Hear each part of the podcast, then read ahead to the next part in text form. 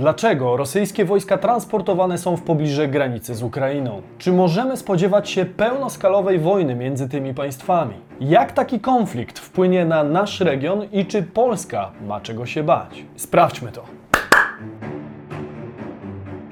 Cześć, tutaj Damian Olszewski i witam Was serdecznie w programie Praktycznie o Pieniądzach i analitycznej serii Bizon, gdzie włączamy Was do świata biznesu i finansów. Dzisiaj porozmawiamy o potencjalnej eskalacji konfliktu pomiędzy Rosją a Ukrainą i rozwiejemy szereg dezinformacji pojawiających się w tym temacie. Choćby o setkach czołgów niemieckich ulokowanych w sekretnych miejscach na Mazurach, potajemnych nocnych transportach wojsk i źródłach informacji wprost z TikToka. Zacznijmy jednak od początku.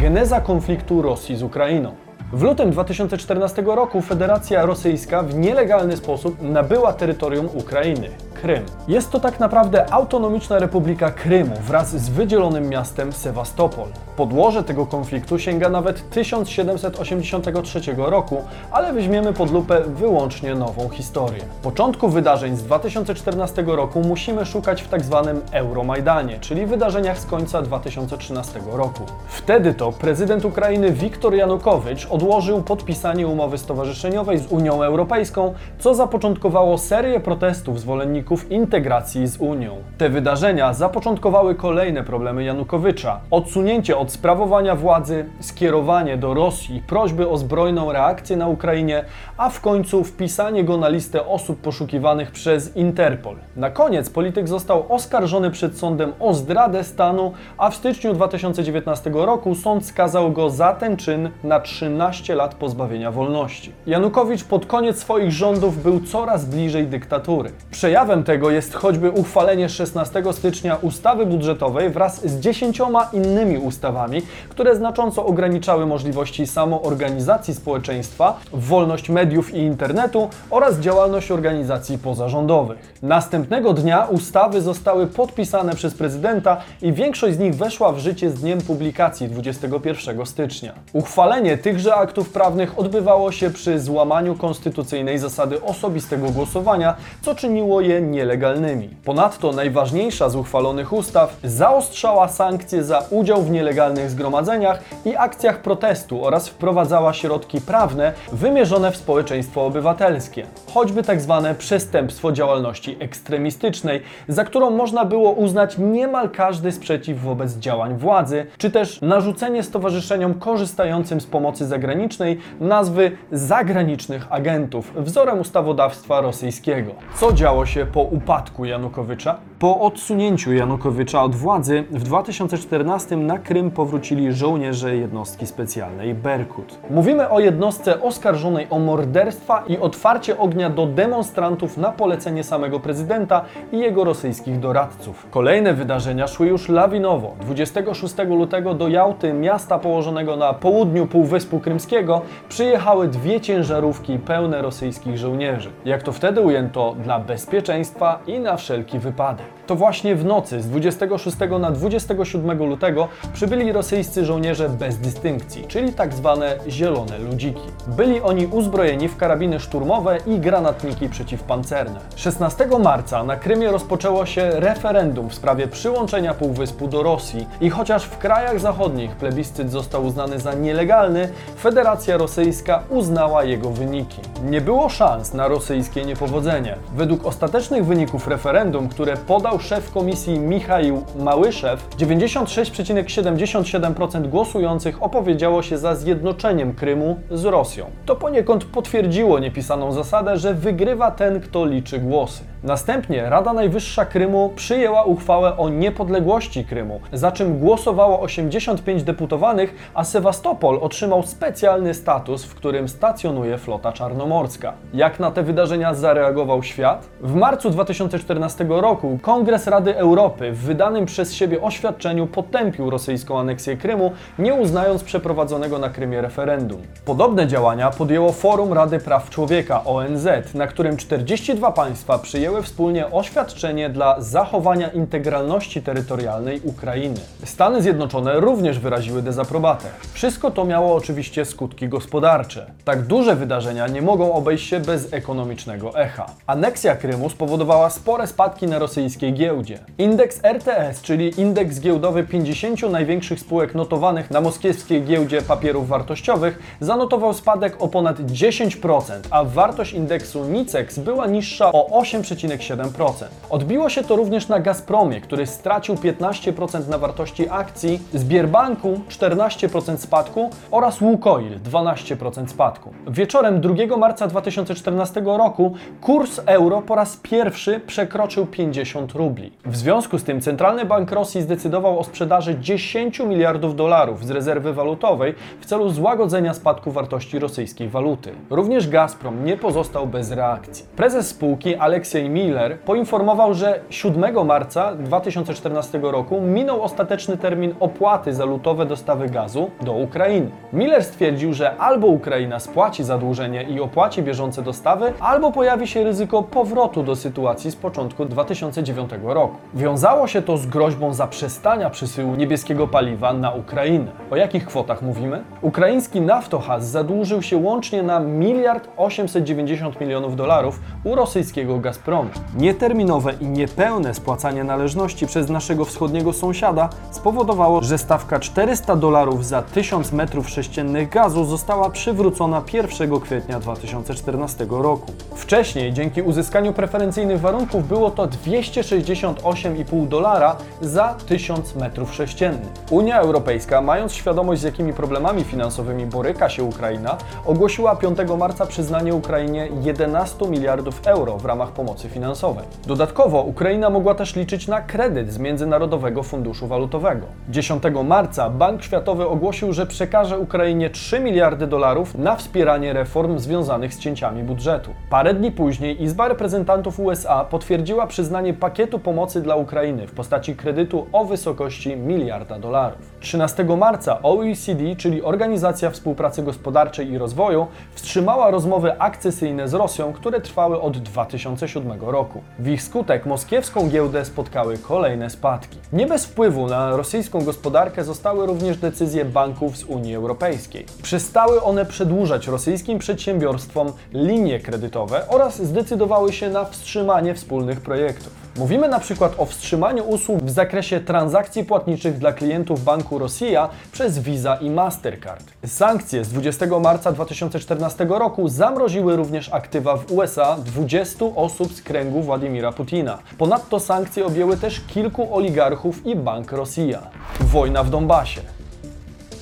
Kwietniu 2014 roku po aneksji Krymu doszło do wybuchu prorosyjskiej rebelii zmierzającej do samostanowienia proklamowanych republik ludowych w Doniecku i Ługańsku. W związku z tym doszło do demonstracji, w której to protestujący szturmowali budynek władz obwodowych, zajmując jego dwa piętra. Zajęcie budynku było częścią scenariusza Federacji Rosyjskiej w celu destabilizacji Ukrainy. Nastąpiło ogłoszenie niepodległości przy 50 osobach, a po wiadomości, że Krym przyłączy się do Rosji, skandowano Putin pomóż oraz zdjęto flagę Ukrainy, w której miejsce zawieszono flagę tzw. Donieckiej Republiki Ludowej. Od tych wszystkich zdarzeń, włącznie z wielokrotnymi operacjami antyterrorystycznymi prowadzonymi przez Ukrainę wobec bojowników z Doniecka i Ługańska, docieramy do momentu, w którym między Ukrainą a Rosją toczy się regularny konflikt zbrojny. To właśnie tutaj doszło do zestrzelenia samolotu pasażerskiego linii Malaysia Airlines MH17. Kto za to odpowiada? Przedstawiciele sił rosyjskich najpierw przyznali się do zestrzelenia samolotu, lecz później wycofali się oskarżając wojsko ukraińskie. Katastrofy nikt nie przeżył.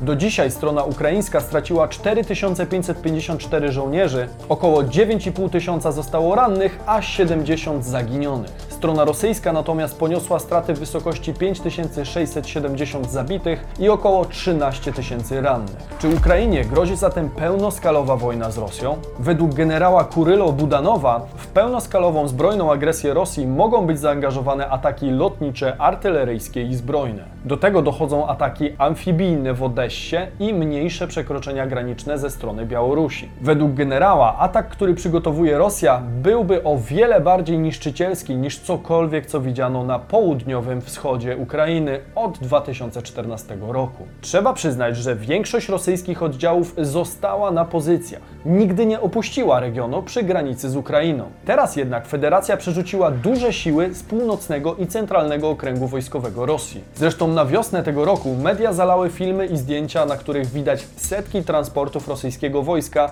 na granicę z Ukrainą. Niestety tym razem może to nie być kolejna gra polityczna Putina, a faktyczne przygotowywanie się pod inwazję Federacji na naszego wschodniego sąsiada. Nie jest to również wsparcie dalszej ofensywy w Donbasie. Chociaż oba te państwa różni historia, bo mowa przecież o niezależnej Rusi Kijowskiej oraz Wielkim Księstwie Moskiewskim, to Putin jest zdania, że oba te kraje są jednym tworem. To samo zresztą potwierdzają zdjęcia satelitarne, na których to możemy zobaczyć bardzo duże nagromadzenie wojsk Federacji. Obecnie Donbas znajduje się częściowo pod kontrolą siły ukraińskiej, ale również przez prorosyjskich separatystów, którzy chcą utworzenia nowego państwa, tak zwanej Noworosji. Miałaby ona początkowo być krajem niezależnym. Być może później zostałaby przyłączona do Federacji Rosyjskiej. Niezaprzeczalnym jest jednak fakt, że Rosja zbiera swoje wojska tuż przy granicy z Ukrainą. Na ten temat wypowiedział się również Antony Blinken, sekretarz Stanów Zjednoczonych. Mamy realne obawy co do nietypowej aktywności wojskowej Rosji na granicy z Ukrainą. Mamy realne obawy co do retoryki, którą widzimy i słyszymy w Rosji, również w mediach społecznościowych. Nie wiemy, jakie są intencje prezydenta Putina, ale wiemy, co wydarzyło się w przeszłości z Ukrainy lub jakiegokolwiek innego kraju, a następnie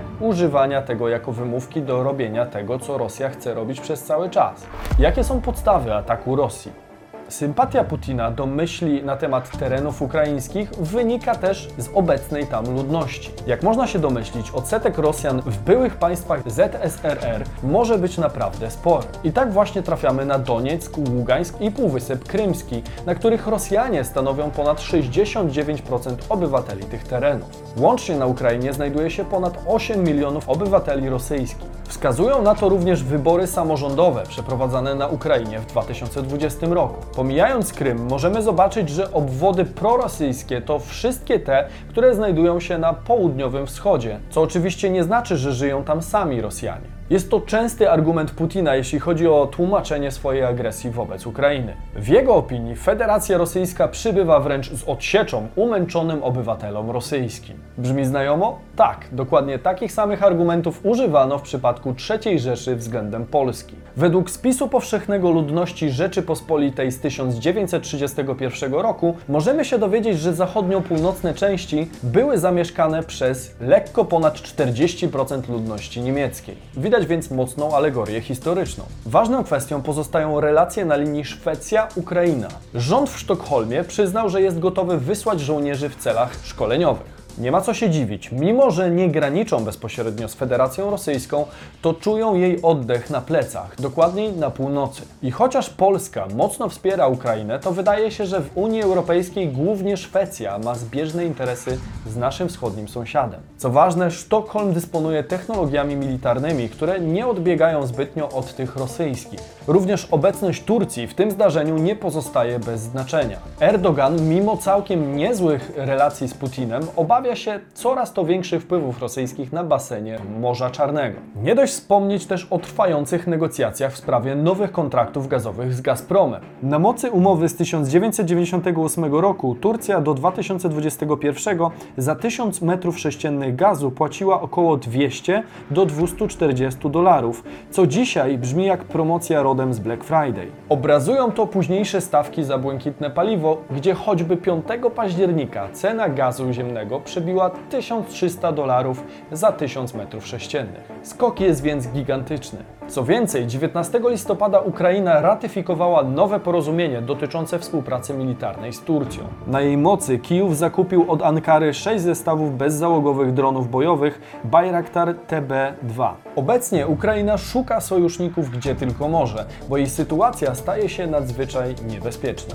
Znaczenie ekonomiczne Donbasu. Jak ważny jest dla Polski Śląsk, wiemy z historii i obecnych statystyk. W 2018 roku województwo śląskie było drugą siłą gospodarczą w kraju po regionie warszawskim. Wytworzyło ono 12,3% polskiego PKB.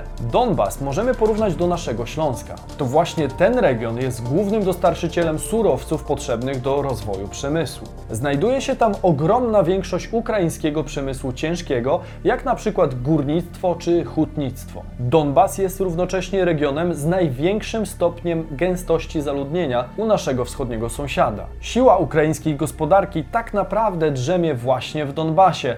Odpowiadał on za prawie 20% PKB państwa. W samym tylko Doniecku funkcjonuje 17 kopalni węgla i 5 hut żelaza. Miasto to w 2012 roku zostało uznane przez Forbesa za najlepsze spośród ukraińskich miast. Donieck znalazł się na szczycie rankingu w takich kategoriach jak kapitał ludzki, siła nabywcza obywateli, warunki oraz stabilność ekonomiczna, czy też infrastruktura. Zapewne Putin doskonale zdaje sobie sprawę, jaka potęga ekonomiczna drzemie właśnie w tym regionie. Zresztą wiadomo też, że strata dla Ukrainy to strata dla całej Europy. Ukraina jest w pewien sposób buforem bezpieczeństwa Europy w obecnej chwili. Spowolnienie gospodarcze spowodowane epidemią i widmo wojny łączy się w niepewność czy wręcz panikę na europejskich rynkach, a to napędza rosyjską gospodarkę. Mówimy przecież o rekordowych cenach gazu czy ropy, a to właśnie Rosja jest ich eksporterem. Według szacunków wpływ do rosyjskiego budżetu ze sprzedaży ropy i gazu w 2021 to już 125 miliardów dolarów. Dla porównania w 2020 roku było to około 75 miliardów dolarów. Na niekorzyść Ukrainy gra także pozostała w dalszym ciągu sytuacja epidemiologiczna. Słabe zbiory zboża przekładają się na realne dziury w budżecie. Jest to bowiem jeden z głównych produktów eksportowych Kijowa. Ile Ukraina traci na wojnie? Tylko bezpośrednie straty na koniec 2017 roku wyniosły 50 miliardów dolarów. Policzono, że w poszczególnych latach wojny gospodarka Ukrainy traciła coraz więcej. Było to 9,2% straty w PKB w 2014 roku, 19,6% w 2015, 19,8% w 2016 i aż 21,7% w 2017 roku. W 2017 Donieck stracił też 43% PKB, a Ługańsk 52%.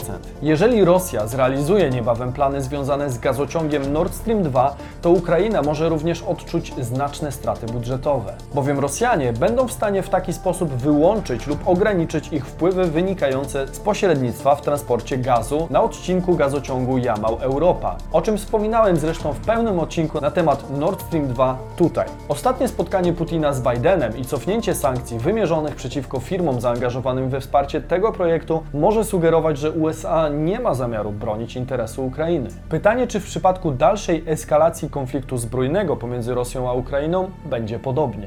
Co na to Polska?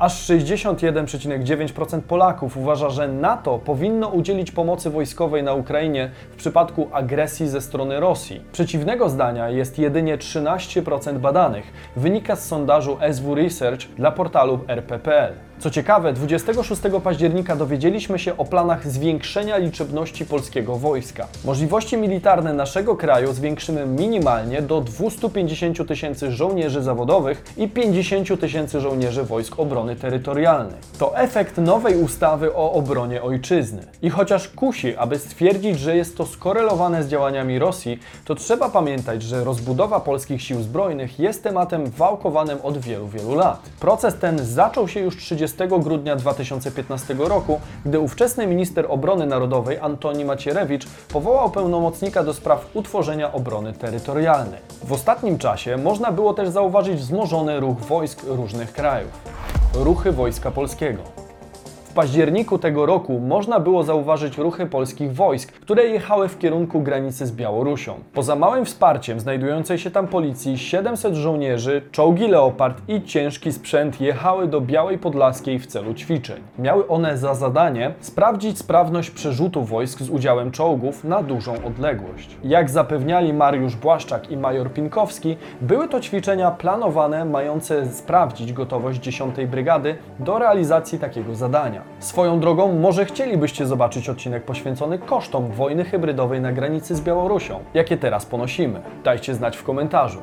Ruchy wojsk natowskich. Obserwowaliśmy również ruchy wojsk NATO. W ćwiczeniach brali udział żołnierze z USA, Chorwacji, Wielkiej Brytanii i Rumunii, którzy na co dzień stacjonują w okolicach Orzysza. Ćwiczyli m.in. synchronizację swoich działań.